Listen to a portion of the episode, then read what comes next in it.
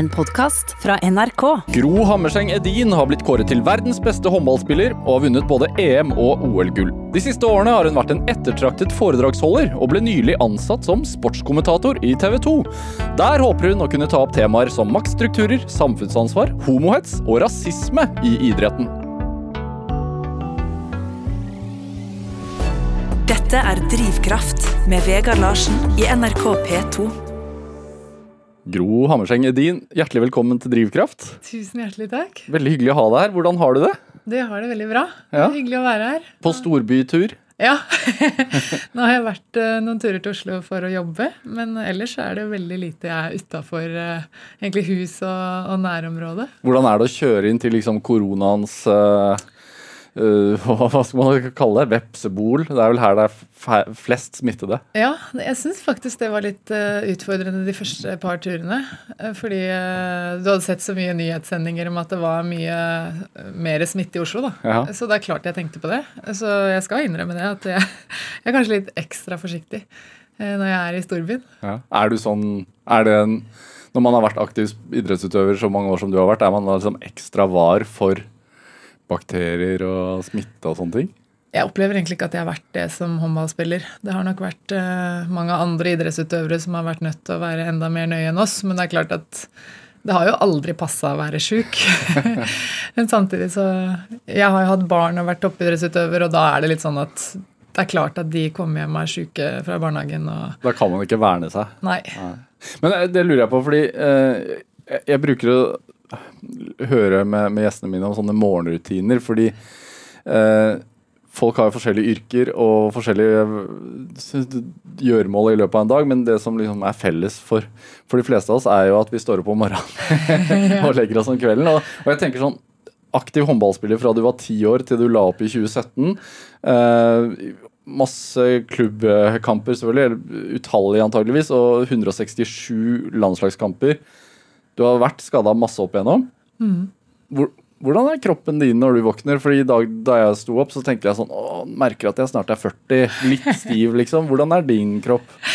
Eh, Akkurat nå så er den ganske bra, men jeg tror det handler litt om at jeg har vent meg til den kroppen min nå. Fordi jeg har hofteleddslitasje bl.a., som gjør at jeg er jo konstant egentlig ganske sånn lite mobil i enkelte kroppsdeler.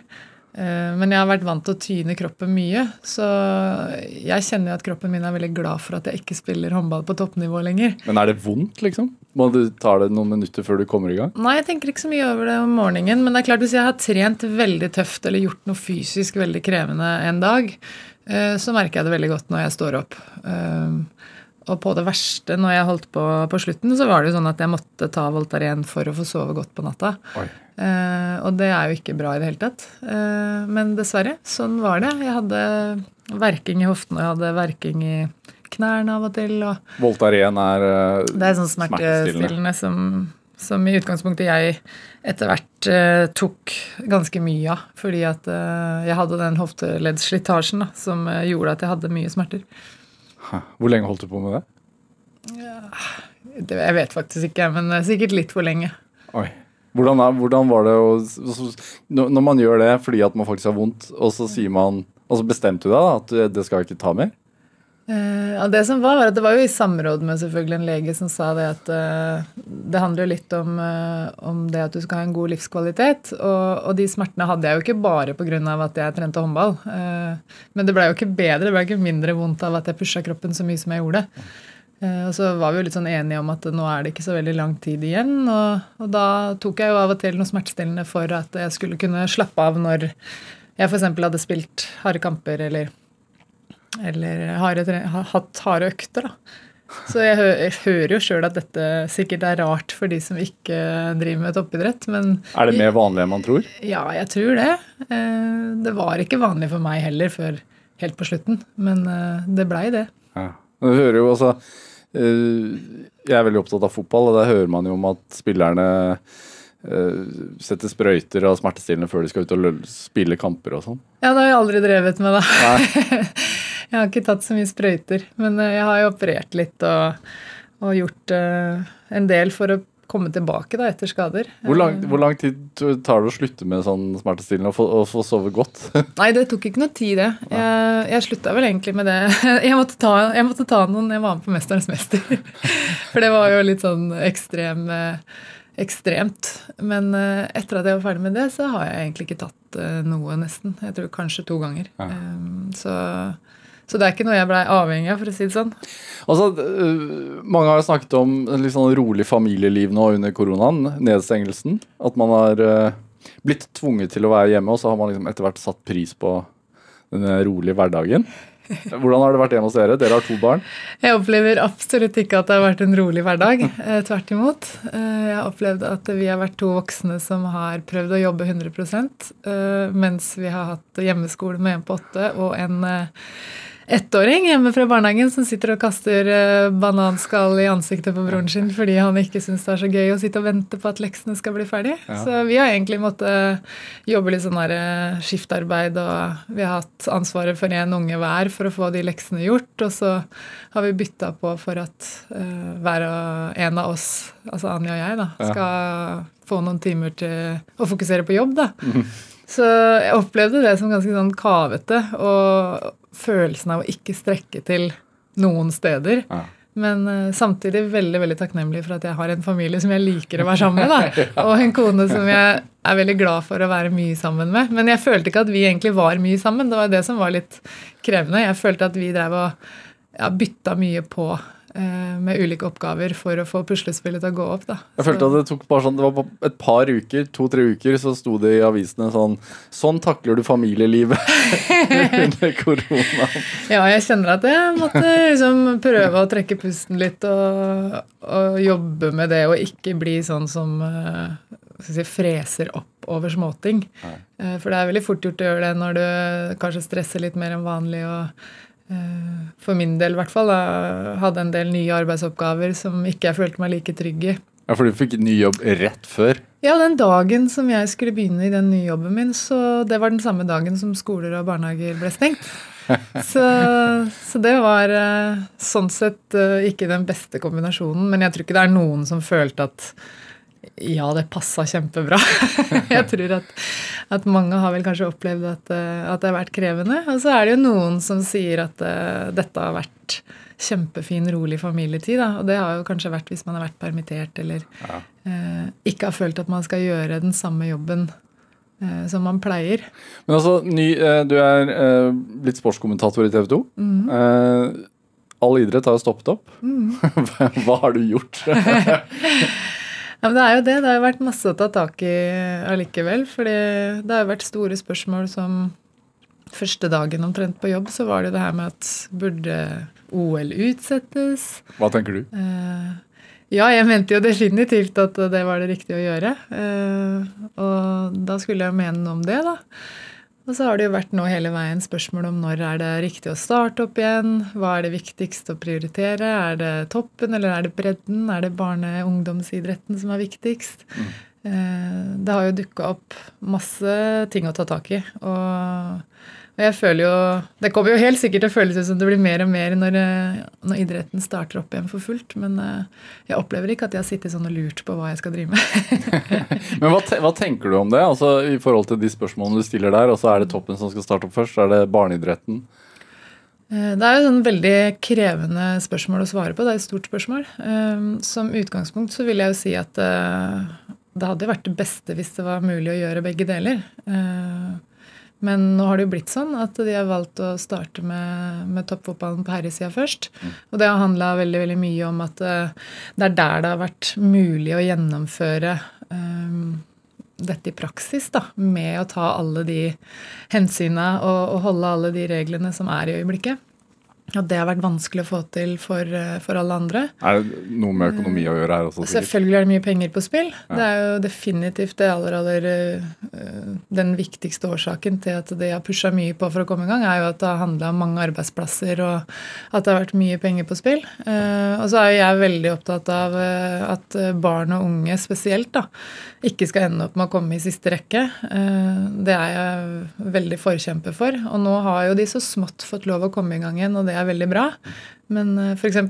vår sønn på åtte han skal på sin første trening nå på Ja, i dag, faktisk. I dag, ja. Eh, og, og da får han ikke lov å spille fotball på vanlig vis. Men samtidig så vet jeg at han kommer til å få en kjempepositiv opplevelse av å treffe kamerater igjen, se trenerne sine, kanskje få lov å leke litt med ballen. Selv om ikke det blir spill på to mål, så kommer han til å få glede av det. Eh, og det er det heldigvis eh, flere og flere barn som får muligheten til nå. Men det er bekymringsverdig at, eh, at det er mange som sier at nå når ikke man får lov å f.eks. ha kontakt på trening og sånn da, med å spille på, på, vanlig vis, så blir det kjedelig for noen. da. Uh, og at det gjør at en del kommer til å slutte, f.eks. At frafallet ja, man kommer til å merke frafall. Og at hvis pausa blir for lang, så, så, er de redde for at det er noen som ikke liksom velger å komme på trening igjen. Da. Og det er jo helt reelt. At det er en, en, utfordring. Men han spiller fotball, altså? Ja, han spiller fotball. Han elsker fotball. Han uh, har prøvd seg litt på håndball òg, men han syntes ikke det var like gøy. Uh, jeg tror det handla veldig mye om at de han leker mest med, de uh, spiller fotball. Sånn er det jo gjerne når man er liten. Du, jeg, sa, jeg, sa, i introen her at uh, du håper å kunne ta opp temaer som maktstrukturer, samfunnsansvar, homohets og rasisme i jobben din. så det er liksom ikke bare å kommentere laguttak du skal Nei, det er jo masse gode fageksperter i TV 2 som kan veldig, veldig mye om de forskjellige idrettene. Så min rolle er egentlig mer at jeg skal Eh, kunne kommentere og, og, skrive om da emner som, som, kanskje handler om sport. Et litt utvida perspektiv, da. I et samfunnsperspektiv. Var det, var, det, viktig for deg i forhold til å ta den jobben? Ja, det var jo det jeg kanskje kjente at jeg, uh, at jeg falt for. da, At det var en mulighet til å bruke stemmen min uh, på noen områder og rundt noen temaer som jeg er opptatt av. Da. Ja. Eh, så det var definitivt noe av det som eh, appellerte med jobben. Er det eh, temaer som blir tatt opp for sjelden innenfor idrett? Mm, både ja og nei. Noen er jo gode til det, og jeg syns jo at at det er større fokus på det enn det det var for noen år tilbake. Men jeg opplever vel at det er fortsatt ganske mye å gå på. Det er jo sånn i kanskje i nyhetsbildet generelt. At, uh, at, jeg kan jo tenke det noen ganger når jeg ser på de sakene som, uh, som står på første side rundt omkring, at det av og til er veldig tabloid, og at det handler kanskje om en del ting som ikke er det aller viktigste av det viktige. Men fordi vi er opptatt av eh, kjendiser og hva de driver med, og eh, det handler jo noe om oss leserne og seerne òg, ja. og lytterne. Hva det er vi klikker på, eh, hva det er vi er opptatt av. Så jeg prøver å være litt sånn bevisst på det sjøl, at jeg prøver å klikke på de sakene som jeg syns har noe for seg. ja. Men altså, idrett er jo en, en stor maktinstitusjon, mm. og det er masse penger involvert. Mm. Så er, er, det en målsetting for deg å Altså Kanskje et stort ord, altså, men å, å få, til å endre noe? Jeg håper jo på å kunne gjøre en positiv forskjell. Og, og det er klart at uh, jeg er veldig ydmyk til den oppgaven. Men jeg har alltid hatt en veldig sånn sterk rettferdighetssans. Eh, det er kanskje noe av det som gjør at jeg blir forbanna. Det, det, blir jeg jo av og til. Det handler om hvis jeg opplever at ting er veldig urettferdig. Hvorfor tror du at du har det? Jeg vet egentlig ikke. Det er et godt spørsmål. Men eh, det er kanskje noe jeg er født med, men det handler vel også noe om eh, hva slags verdier som jeg har i bunnen som er viktige for meg. Og da er jo F.eks. likeverd og equality er sånne ting som, som jeg brenner for. Da. Mm. Uh, og jeg er opptatt av at vi skal ha like muligheter og like rettigheter. og Da kjenner jeg at jeg kan bli varm og, og engasjert ganske raskt da, når det er snakk om sånne ting. Sint, kanskje? Ja da, jeg ja. gjør det. Jeg tror at det er en del som innbiller seg at jeg er veldig rolig, da, fordi jeg kanskje ser sånn ut noen ganger. Men jeg er ganske temperamentsfull, og, og jeg blir veldig engasjert. Vi har sett det på håndballbanen i hvert fall. Ja, ja det fins andre steder også. men, men altså, sånn, er det en fordel, tenker du, at du har uh, erfaringer fra den andre siden? Ja, definitivt. Hvorfor det? Jeg føler at det er en, en av de tingene som jeg ser på som en styrke. Da. Det er jo at uh, jeg har hatt mye erfaring med å bli intervjua og være den som kanskje blir omtalt eller skrevet om eller snakka om. og det gjør jo at jeg i hvert fall har med meg det perspektivet alltid, at det er mennesker det er snakk om da, ja. når vi skal mene noe eller lage saker på noen. For det, det, har jeg jo opplevd noen ganger, at ting som jeg har opplevd som sårt og vanskelig og krevende når jeg har vært i medias søkelys, Eh, Det har jeg jo merka at noen ganger så syns journalister, reportere, at eh, herregud, henger du deg opp i bagateller, liksom? Det er vel ikke så farlig, det. Som for eksempel. Det kan jo være alt ifra sitater som ikke stemmer, til at uh, du blir omtalt Altså privatlivet mitt har blitt omtalt. Uh, står du midt oppi et brudd, så kan det være kjempekrevende å føle at det blir en sånn offentlig uh, greie, da. Mm. Eh, de tinga der. At jeg liksom kanskje har med meg en eller annen følsomhet eh, og empati der, da. eh, på at det er mennesker som, som blir berørt. Og, og det er ikke bare det mennesket som man omtaler i en sak, det er også familien til den personen. Eh, Så da, henger man seg opp i altså, så Ser du noe sånt som han eh, fotballkometen eh, Erling Braut Haaland, eh, som får litt sånn juling av sportskommentatorer internasjonalt nå fordi at han fordi de mener han svarer kort og arrogant på spørsmål. ja. Ja, Hva tenker du om sånne ting? Jeg tenker jo at eh, det er veldig gjenkjennelig for meg, det som skjer. da. Det er sånn det ofte er. Og, og jeg kan tenke sånn at jeg syns det er eh, litt urimelig, da. At, eh, at han ikke skal få lov å være 19 år og være seg sjæl og svare akkurat sånn som det føles naturlig for han å svare eh, nå, når han er i starten av en, en fantastisk karriere. Eh, Samtidig så håper jeg litt på at eh, hvis han leser noe av det eller ser noe av det, at eh, han klarer å ta med seg det at det er kjempepositivt at folk er engasjert i idretten hans og, og bryr seg om både hva han driver med, hva han sier, og at det handler om i bunn og grunn et sportsengasjement da, hos veldig veldig mange folk som, som liker den idretten han driver med. Ja, og så blir blir det vel avkrevd at han må være et, bedre forbilde. Svare, svare mer. Ja, og det er jo på en måte litt av det som kan oppleves som eh, krevende når du er idrettsutøver. Da. Det er jo at, at det er en forventning veldig ofte om at du skal være et forbilde og en rollemodell. Og så er det jo ikke sånn at når du begynner med den idretten, at det er det du driver og tenker på. Da tenker du på at jeg elsker den idretten, jeg har lyst til å bli god innafor den sporten. Ja. Og det å være god f.eks. med en ball, da, det betyr jo ikke nødvendigvis at du er god med folk, eller at du er god i intervjusettinger, eller Og det er jo som med alt annet. eh, Så utvikler man seg jo gjennom erfaring. Og det ville jo vært veldig rart hvis en som som Haaland, f.eks., som ikke har den erfaringa fra før, hvis han skulle være ekspert på å svare for seg sånn at han tilfredsstiller en eller annen forventning om hvordan han skal være. Jeg tenker at Det kanskje er noe av det som er styrken hans. da, Det er å klare å løsrive seg fra alle de forventningene og bare være seg sjøl. Stemmer det at du eh, på papiret tok livet av en sportsjournalist en gang? ja, det gjorde jeg. Det gjorde jeg. Det er jo litt sånn som jeg gjør noen ganger. Det er galgenhumor på en måte da, når man kanskje eh, ser litt vel svart på ting. Så prøver jeg liksom å ja, finne noe jeg kan le av, eller eller så er jeg veldig ofte opptatt av å gjøre noe aktivt for å ha det bedre på innsida. Ja. Når jeg syns at ting suger. da. Eh, Og da, akkurat i det tilfellet her, da, så var det en del av en sånn prosess hvor jeg bare tenkte at vet du hva, nå driver jeg og tenker ekstremt mye på hva han journalisten syns. Eh, og, og det er jo ikke det som skal ta plass i huet mitt. Så da tenkte jeg at han Du skulle spille finale i OL eller Ja. semifinale ja, i og så burde jeg jo bruke tida mi på å forberede meg på, på oppgavene mine og liksom jobbe mentalt inn mot kampen. Jeg burde jo ikke bruke tid på å tenke på en journalist og hans øh, synspunkter og meninger som jeg mente var litt urimelige på det tidspunktet. da. Jeg irriterte meg noe voldsomt over at han fikk ta så stor plass. Så da tegna jeg han i dagboka mi, og så tok jeg livet av han. Hjalp det da? Ja, På en eller annen måte så var det vel bare en del av den prosessen. At jeg måtte liksom gi slipp på noen følelser. Og det, det her var jo bare en én ting. Jeg gjorde mye annet òg. Men sånn eh, Som var da. Jeg gjorde noe av det som ofte funker når jeg syns at det koker litt og at jeg blir litt negativ i huet. Det er faktisk å eh, bevege meg fysisk ut i frisk luft og sette på kul musikk. Så det jeg gjorde også, var å låne meg en sykkel, og så sykla jeg rundt i den OL-campen med, med litt musikk på øra. Ja. Eh, og så prata jeg med noen gode lagvenninner. Det er også en god idé. Eh, Prate med noen. Eh, få satt litt ord på ting som du syns er kjipt. da.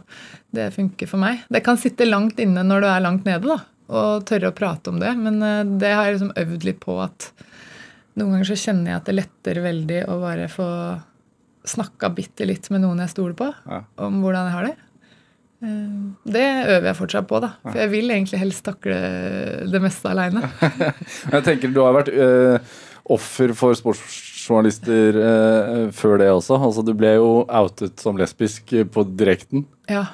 Harald Bredli eh, trodde han hadde skrudd av mikrofonen og hadde ikke det. ja. I TV, på TV 2. Hvordan, hvordan var det?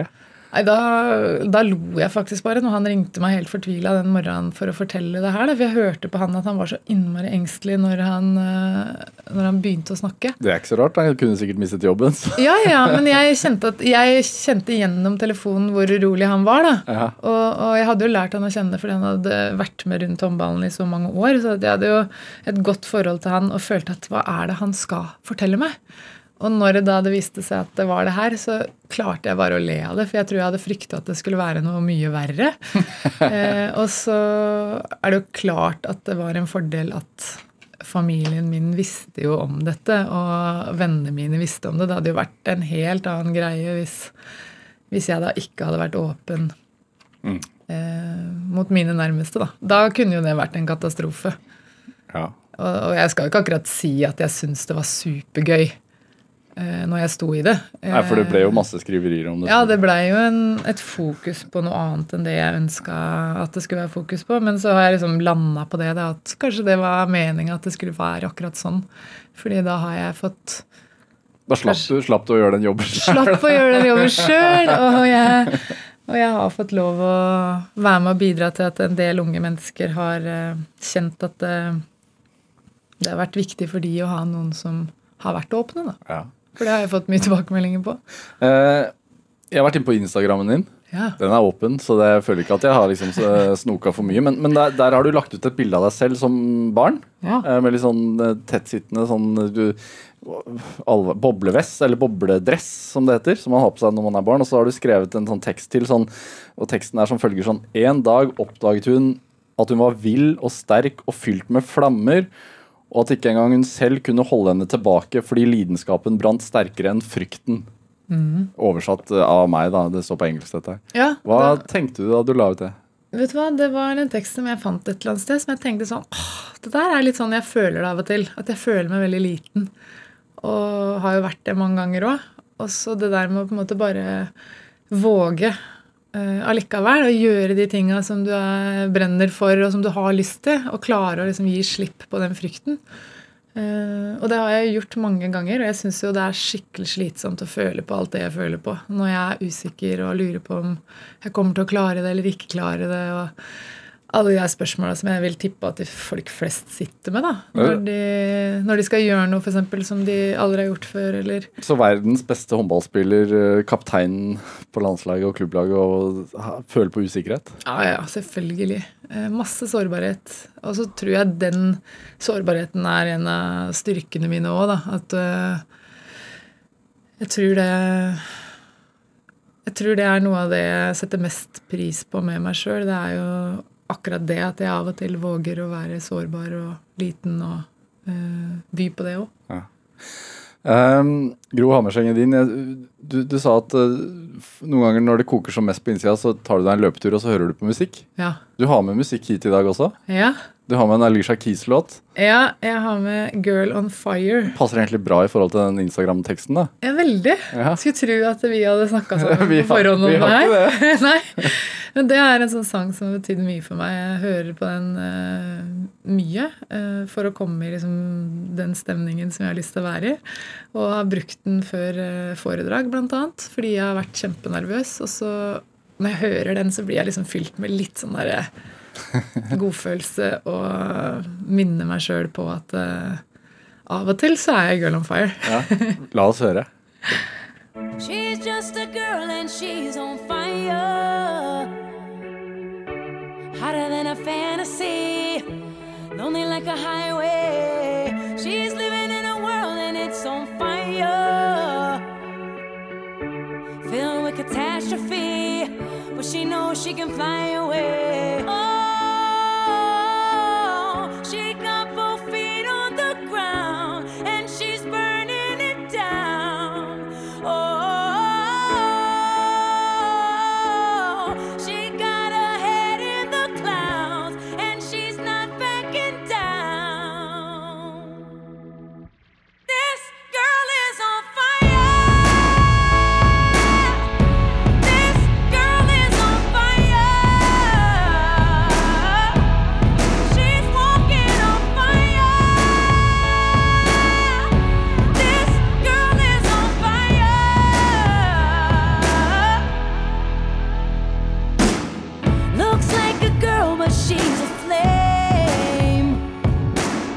so bright she can burn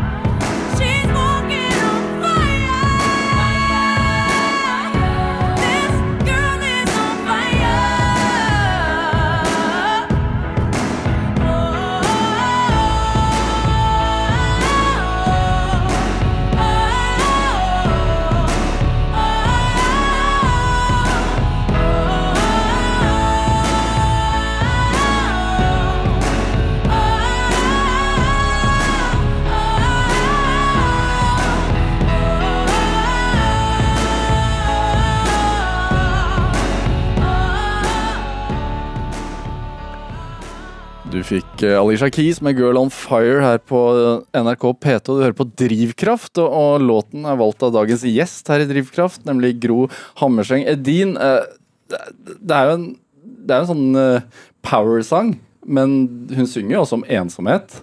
Er, det, er det ensomt å være toppidrettsutøver?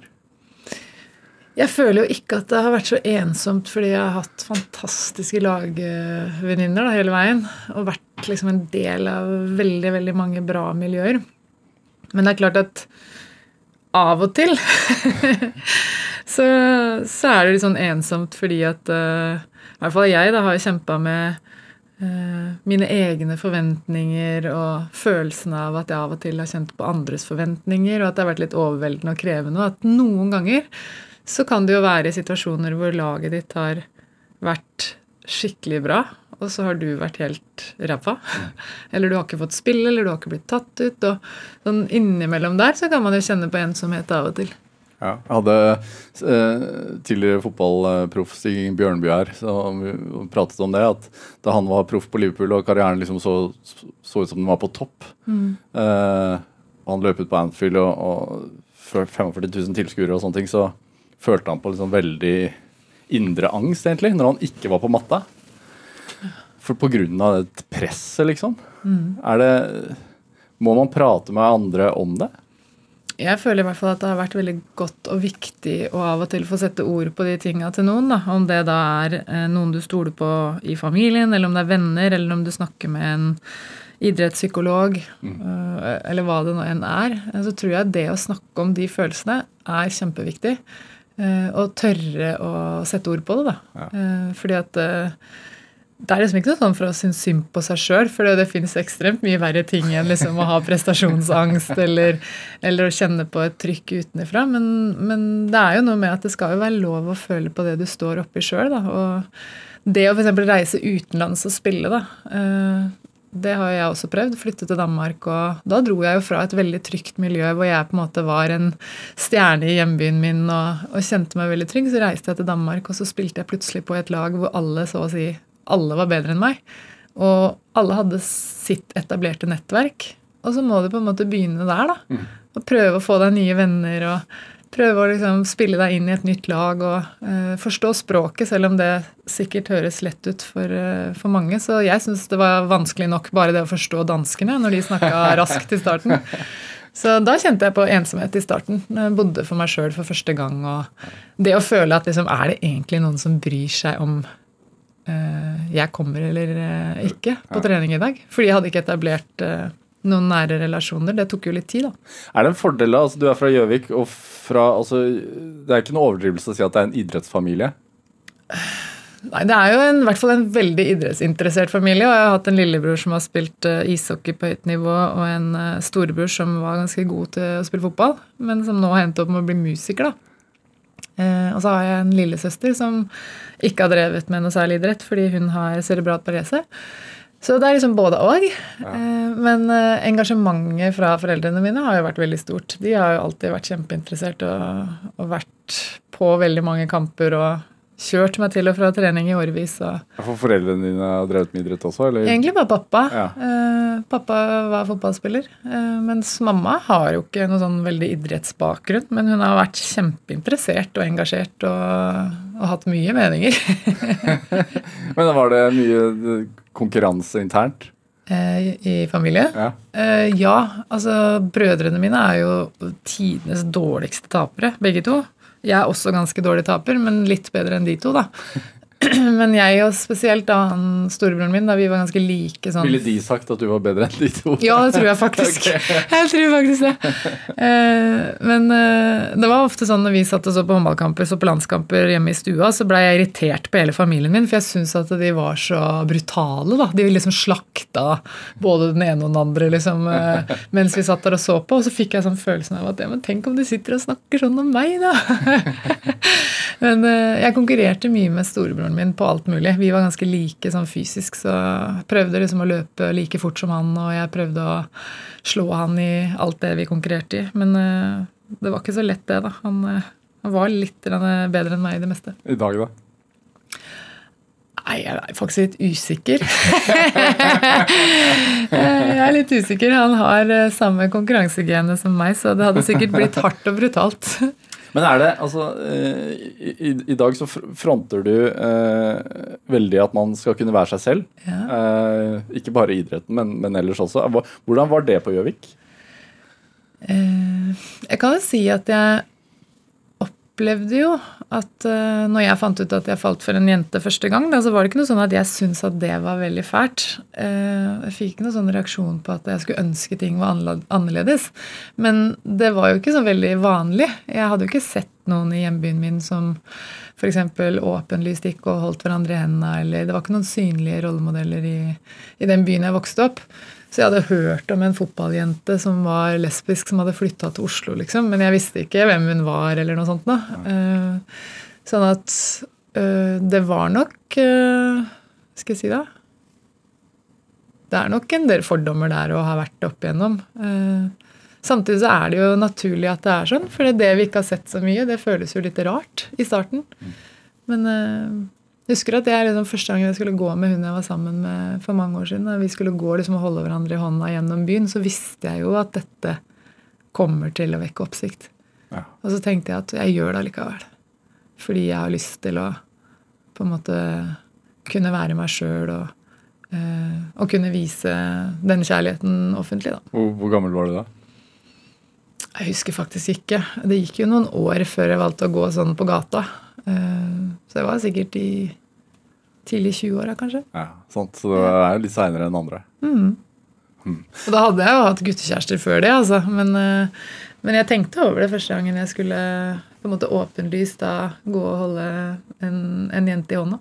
Er det, er det noe av grunnen til at, at uh, du og kona di har ønsket å ta den plassen som offentlige rollemodeller? Det har nok handla mye om at vi har fått opp øya for at det er langt flere som syns det er vanskelig fortsatt, enn det vi trodde.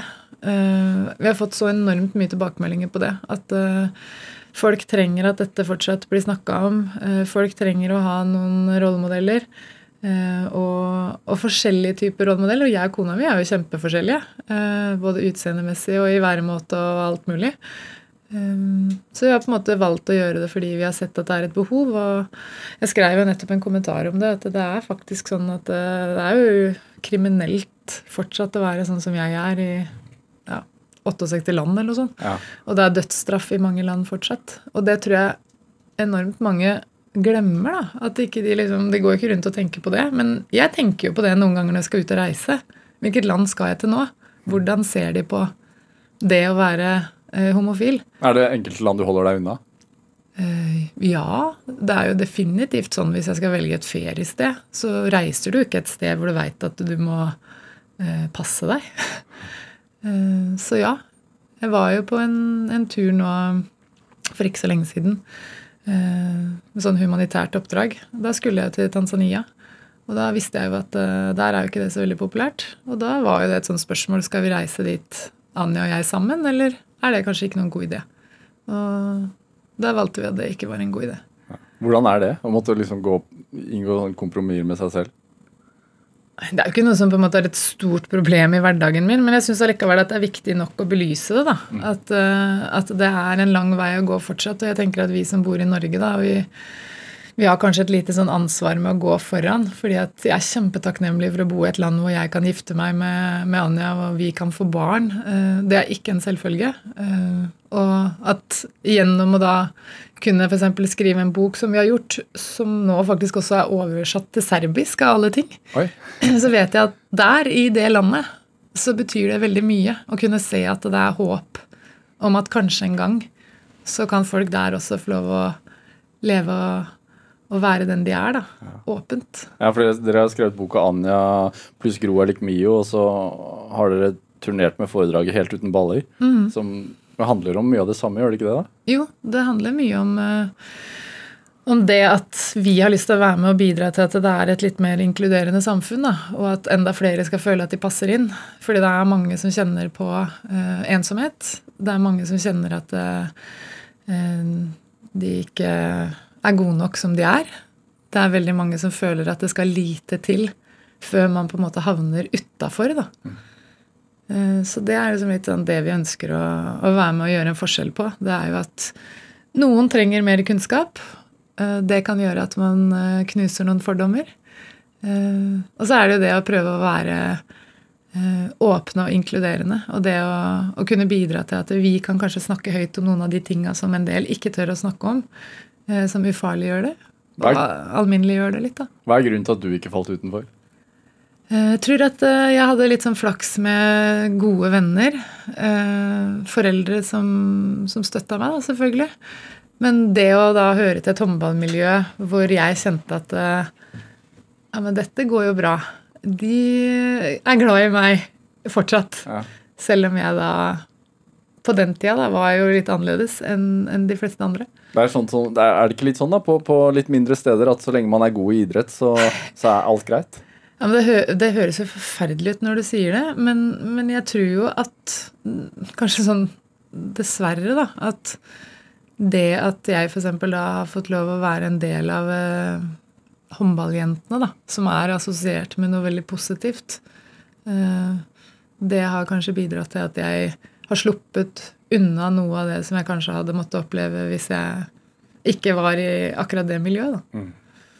Altså, dere valgte jo å skrive eh, boka også. Var det, og det er en veldig eh, personlig bok. Eh, hvilke liksom runder gikk dere for? Mange, mange runder. Ja. Og jeg føler at jeg driver med det fortsatt. da. Går de der rundene med hvor mye skal man eh, åpne opp for, og hvor mye er det ok å snakke om og sånne ting. Eh, samtidig så var det jo det snakk om først og fremst en bok som handler om eh, de følelsene vi satt med når vi da skulle velge å stifte en familie som var litt annerledes. Og hvordan foregår det? Hva er det du tenker på da? Hvordan oppleves det? Eh, Så det er jo ikke en bok hvor vi har utlevert på en måte åtteåringen sine personlige si, opplevelser eller eh, Sånn at det handler jo egentlig om at vi hadde lyst til å bidra til noe økt kunnskap.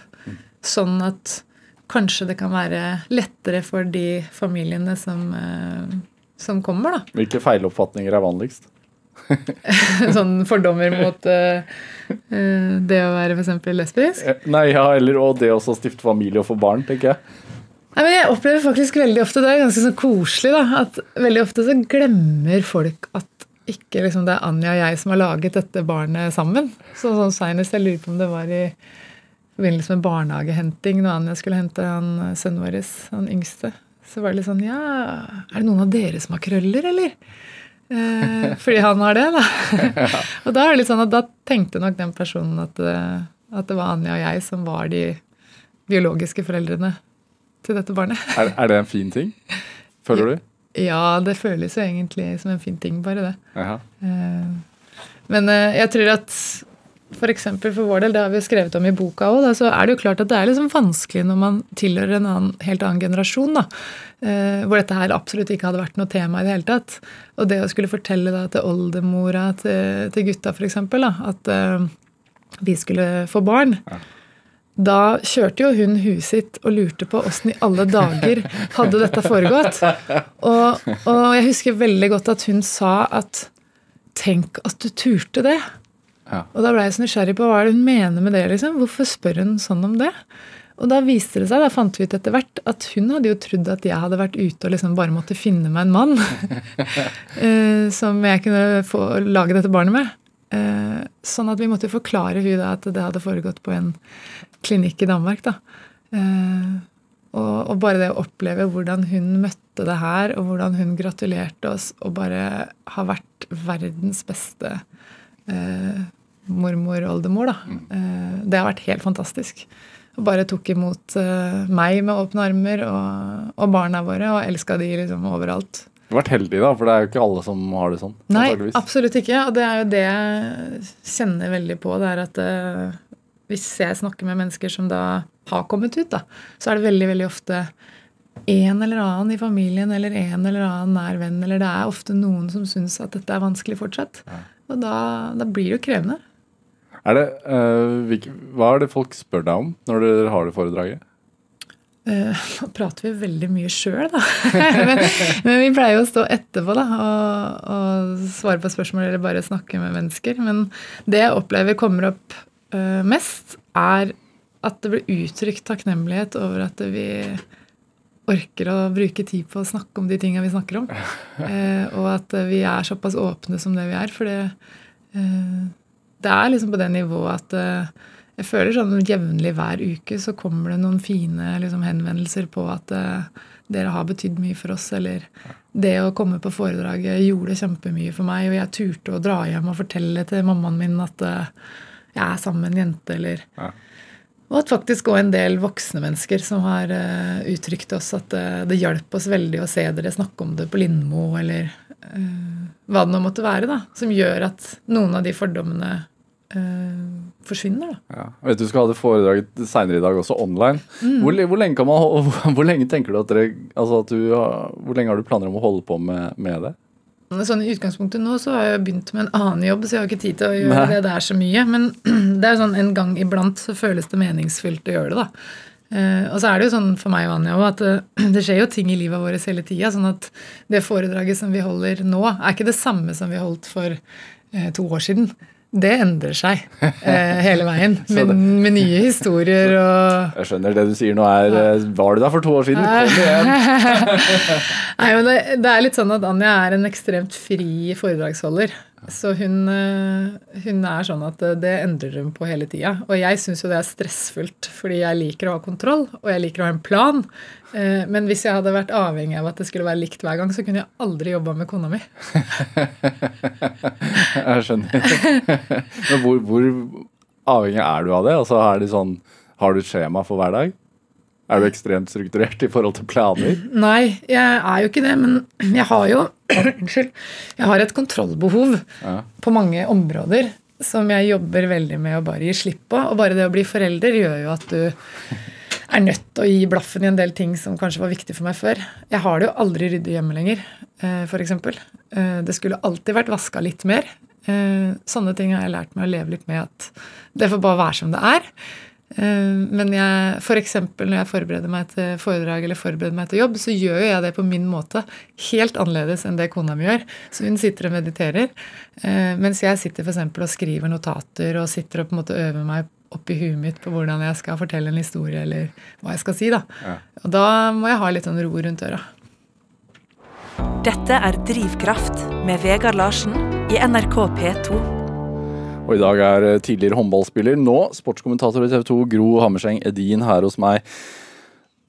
Mange så deg på 'Mesternes mester'. altså mental, Og jeg ser på, på Instagrammen din også, mental styrke er viktig både for deg og, og kona di. Eh, kona di har skrevet bok om det også. eh, og, og dere har hatt, altså, avholdt noe som heter noe Play and Growth Camp Ja. eh, for damer. Mm. Hva er det? Eh, Det var jo en sånn camp som vi hadde lyst til å lage sammen med en eh, god venn av oss som eh, driver noe som heter Yogaloftet i Larvik. Og vi fant ut at sammen med henne da, at det hun holdt på med, det var egentlig ganske mye likt av det Anja holdt på med i sin jobb, da, eh, med, hvor hun jobber med mental trening. da. Også at, eh, at jeg har vært litt sånn opptatt av det at jeg har hatt lyst til å inspirere enda flere kvinner til å tørre å ta på seg roller som kanskje tradisjonelt har vært f.eks. litt mannstunge. da. Eh, og så tenkte vi litt sånn at ah, kanskje vi skal prøve å lage noe sammen. Og så, og så begynte vi egentlig å snakke om at kanskje vi skulle gjøre det for unge jenter. Da, for vi opplevde at det er en sånn gruppe unge jenter som vokser opp i dag, som kanskje føler at de må leve opp til ekstremt mye egne høye forventninger, de skal prestere på alle områder, og at det er mange som har mye stress da, og uro. Eh, Og da hadde vi litt sånn lyst til å være med og, prøve å bidra til at ok, hvis man har lyst til å jobbe med de tinga her og kanskje bli god til um, å lære seg å slappe av, eh, og ikke minst jobbe sånn aktivt med hvordan man skal møte sin egen uro, og hvordan man kan jobbe med sånne små verktøy for å møte utfordringer. Da. Og det kan jo være utfordringer som er alltid fra at du skal ha en eksamen, eller at du skal på et jobbintervju, eller sånn for min del eh, ut i en ny jobb, da. Så Hvordan har det vært for deg å starte en ny jobb? Er det piece of cake? Du har spilt OL-finale, liksom. Vet du hva, det er kjempestrevsomt. Fordi det er jo det er jo masse jeg ikke kan. ikke sant? Og det er veldig mange ting jeg gjør for første gang. og eh, Jeg er jo skrudd sammen sånn at jeg har lyst til å levere godt. Og jeg jobber jo med såpass mange dyktige folk òg. Enormt mange dyktige folk som jeg har mye respekt for. da. Så det er klart at det, det er krevende, det. Og det er jeg Føler jo at jeg liksom strever jo med, eh, med det hver eneste dag, egentlig. Men sånn er det Ja. når du skal gjøre noe du ikke har gjort før. Og spesielt når det er noe som betyr noe for deg. Og det har jeg jo liksom veldig mye erfaring fra håndballen. da, at jeg tenker tilbake på hvordan hadde jeg det når jeg skulle spille Eliteserien første gang. Eller når jeg ble tatt ut på min første landslagssamling. Hvordan Eller, hvordan hadde du det da? Nei, jeg, i kroppen min stritta jo litt imot. For jeg tenkte sånn men Jeg veit ikke om jeg er god nok. Ikke sant? Jeg veit ikke om jeg kan dette her, og er, liksom, er jeg klar for å utsette meg for eh, det her med å kunne deise i bakken og virkelig feile da, og drite meg ut fordi jeg liksom ikke får til ting. Eh, den der følelsen av at åh, alle andre er mye bedre enn meg.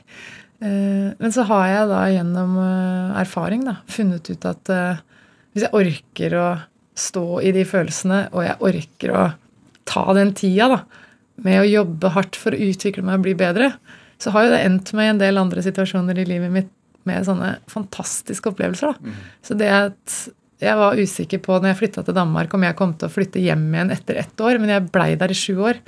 Men det første året var ikke noe dans på roser i det hele tatt. Det var kjempestrevsomt. Men, men hvordan trener man den eh, mentale muskelen? Altså sånn mental styrke altså Det å trene bicepsen er jo eh, det, det vet man hvordan man gjør. Ja, Men hvordan har du trent din mentale styrke? Eh, Jeg er blitt veldig bevisst på fokustrening. da. Hva det er jeg velger å liksom fokusere på. Det kan man jo på en måte ta et aktivt valg på. Ja.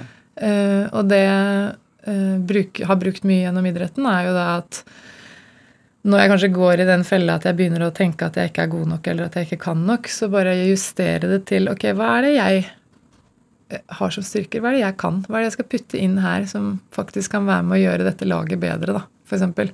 Og da har jeg blitt ganske god til å finne fram mange ting, da. Eh, og så har jeg også lært meg at en av de, de største styrkene mine, da, det er eh, å klare å reise meg etter at jeg har mislykkes. Eh, og, og hvordan lærer man det? Der For min del så har det jo handla om at jeg er nødt til å gjøre de feila. Og så er jeg nødt til å kjenne på at oi, jeg er i stand til å reise meg opp, jobbe hardt videre. Og så når jeg har jobba hardt og lenge over tid, så har det gitt meg noen gode resultater og mestringsfølelse. da. Uh, Så det er ikke noen sånn snarvei til det, egentlig. Men det handler jo om et tankesett. Hva slags mindset har du? Og hvis du har et mindset hvor du tenker at hver gang jeg gjør en feil, så, så kan jeg velge å lære av det. Jeg kan velge å bruke da øh, den erfaringa mi til å løse det litt bedre neste gang. Men hva er liksom Hva var den tøffeste Tøffeste smellen å reise seg fra, tenker du? Altså sånn Personlig så handler det jo om de tinga når, når ikke ting går som jeg hadde planlagt på ja, Det å oppleve brudd, f.eks., er jo noe av det vanskeligste jeg har vært gjennom. Eh, Jeg har opplevd eh, sånn håndballmessig en del store skuffelser som ja, bl.a. når vi ikke klarte å kvalifisere oss til OL i et mesterskap. Og det var et mesterskap hvor vi hadde gullambisjoner. Så blei det på en måte omtalt som eh, en total fiasko, da. Da var jeg kaptein på det laget og opplevde jo at jeg absolutt ikke hadde innfridd. Eh, Det var tøft.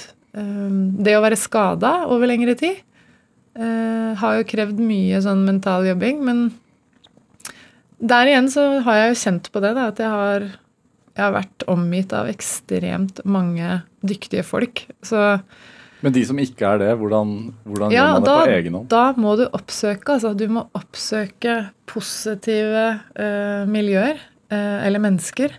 Fordi at det du velger å være rundt, det påvirker enormt mye av hvordan du har det. Sånn at det å rydde i eh, si, vennegjengen sin, eller ta bevisste valg på hvem er det jeg kommuniserer med, eh, og faktisk det å våge å være sårbar og be om hjelp. For det har jeg vært nødt til å trene masse på. Å tørre å si 'jeg trenger deg', eller 'jeg trenger hjelp'. For det, det kan være vanskelig for eh, mange, da. Men, men det er sånn at noen ganger så er det nødvendig at du må gjøre noe aktivt. Fordi man har jo lyst til at de rundt deg skal se? At de skal kunne lese tankene dine. Eh, og noen ganger Skjønner du ikke? Ja. Skjønner du ikke hva jeg tenker? Skjønner du ikke hva jeg tenker? Eh, så det er jo kanskje det som er vanskeligst av alt. Da. Det er jo å tørre å, å, å være så sårbar at du sier at du, nå kjenner jeg at jeg ikke mestrer situasjonen. Jeg har bruk for eh, hjelp fra deg. Hva, skal det mye til da for å hjelpe? For å hjelpe. Ja. Altså, jeg kjenner ikke så veldig mange som ikke har lyst til å hjelpe. Når noen, eh, når noen våger å være sårbar. Nei, men skal det mange altså hva, I din situasjon så skal det Det skal kanskje ikke så mye til? Nei, det er det. Der er jeg heldig, da. At det skal veldig lite til før jeg snur eh, et humør. Sånn som f.eks. i går, så hadde jeg en sånn dag hvor jeg følte at eh, nå koker det her. Nå er det altfor mye oppi pappen min. Jeg er urolig. Jeg kjenner at det er mye jeg skal forberede. Og kontrollfriken i meg føler ikke at det er nok timer. Eh, Men det å vite da at det beste jeg kan gjøre nå, det er å gå ut, eh, få litt aleinetid med frisk luft eh, og ha musikk på øra. Og da jogga jeg en liten runde i veldig sakte tempo. Så kommer jeg inn igjen som et nytt menneske. Og da hadde jeg til og med også hørt på en sånn derre motivational speech liksom på øra. Sånn at jeg dro ut som en sur, stressa, litt sånn negete kjæreste. Og så kom jeg inn igjen, og så var jeg faktisk ganske hyggelig. Men det er liksom ta, prøve å ta litt ansvar for, eh, for det å Jeg merker jo sjøl når jeg begynner å gå i det sporet, det negative sporet. Ja. Men det krever en jobb, da. Det krever en skikkelig sjau noen ganger. Hvordan merket du det på håndballbanen? Hvordan var kontrollfriken der? Ja, der var det jo sånn at eh, Problemet noen ganger var jo når det hadde vært skikkelig dårlig, så kunne det være vanskelig å sovne da, eh, etterpå. At du ligger der og er urolig. Men du kunne være ganske hard eh, på, som kaptein også, Ja, jeg kunne det. med medspilleren din òg. Ja, jeg kunne det. Um, Hva sa du da? Jeg tror nok jeg på en måte var verst når jeg havna i den der konkurransebobla mi, hvor det blei så viktig for meg å vinne. At jeg begynte liksom å kjefte på dommerne, og jeg syns jo alltid jeg hadde rett ikke sant, i forhold til sånne dommeravgjørelser. Og hvis jeg da hadde noen på laget mitt som var liksom tøffe i trynet på motstanderlaget, da, så blei det jo høy temperatur, og jeg var en veldig sånn fysisk spiller òg, så jeg kunne jo kanskje av og til da takle litt ekstra hardt, eller så jeg var nok definitivt en god lagspiller også, men, eh, men jeg vet at jeg noen ganger eh, gikk for langt òg. Ja. Men det er kanskje det fine med sport, da. At der er det litt sånn rom for det. Å få ut Å få ut det. Sånn at det var jeg veldig usikker på hvordan jeg skulle deale med når jeg slutta med idrett. da. For det var det rommet hvor jeg kunne brøle og eh, skrike og kaste ting og sånn. For jeg er egentlig litt sånn skrudd sammen at når jeg blir forbanna, så har jeg lyst til å kaste ting i veggen eller i bakken og sånn. Og det lærer du jo litt som voksen at det er ikke så innafor å gjøre. I hvert fall ikke på en vanlig arbeidsplass, da. Men litt sånn på håndballen så kunne du jo det. Da kunne du pælme en vannflaske i veggen eh, fordi du var forbanna. Hvordan får du ut den nå, da? Det er kanskje kjempebra at jeg er sammen med en veldig sindig, rolig, tålmodig person. For hvis jeg hadde vært sammen med meg sjøl, så hadde jo det gått helt gærent. Men, eh, men eh, hun balanserer temperamentet mitt ganske godt, da. Så det hjelper veldig. Men, men ellers så Det er ikke så ofte det skjer, men av og til så har jeg jo sånne klikkutbrudd. Og da er jeg veldig glad for at når det skjer, så skjer det som regel i trygge omgivelser med folk som kjenner meg godt nok til å vite at jeg er glad i dem for det. Eh, Gro eh, Hammerseng, din den, timen nærmer seg slutten. Altså, programmet heter Drivkraft. Jeg spør alle her om hva som driver dem. Vi har jo vært innom mye av, mye av dem. Hvis du skal sette ord på det, hva tenker du er drivkraften din? Å, det er så mye, da. Men eh, jeg, jeg brenner jo enormt mye for at flest mulig folk skal ha det bra inni seg. Eh, Jeg brenner for eh, equality. Eh, Jeg brenner virkelig for å være en god mamma og være en god kjæreste. Det er kanskje det viktigste av alt for meg. Selv om det kan være sånn innimellom noe jeg glemmer. Men det er det som er det viktigste for meg. Det er at jeg har lyst til å ta vare på familien min. Eh, Og så har jeg, lyst, eller jeg har hatt lyst til å være en, en person som kanskje kan inspirere f.eks. noen jenter da, som, som sitter og lurer litt sånn på Skal jeg tørre? Så tenker jeg sånn Ja, gjør det. Fordi at uansett om ikke det ender opp med å liksom gå dødsbra, så tenker jeg at uh, den følelsen du får, eller jeg i hvert fall får, da, når jeg våger å gjøre ting som jeg egentlig syns er litt skummelt, det er kanskje en av de beste følelsene jeg har. Gro Hammerseng Edin, tusen takk for at du kom til Drivkraft. Ellen Foss Sørensen bidro sterkt til denne sendingen. Kjartan Aarsand var dagens produsent. Jeg heter Vegard Larsen. Vi høres. Du har hørt en podkast fra NRK. Hør flere podkaster og din NRK-kanal i appen NRK Radio.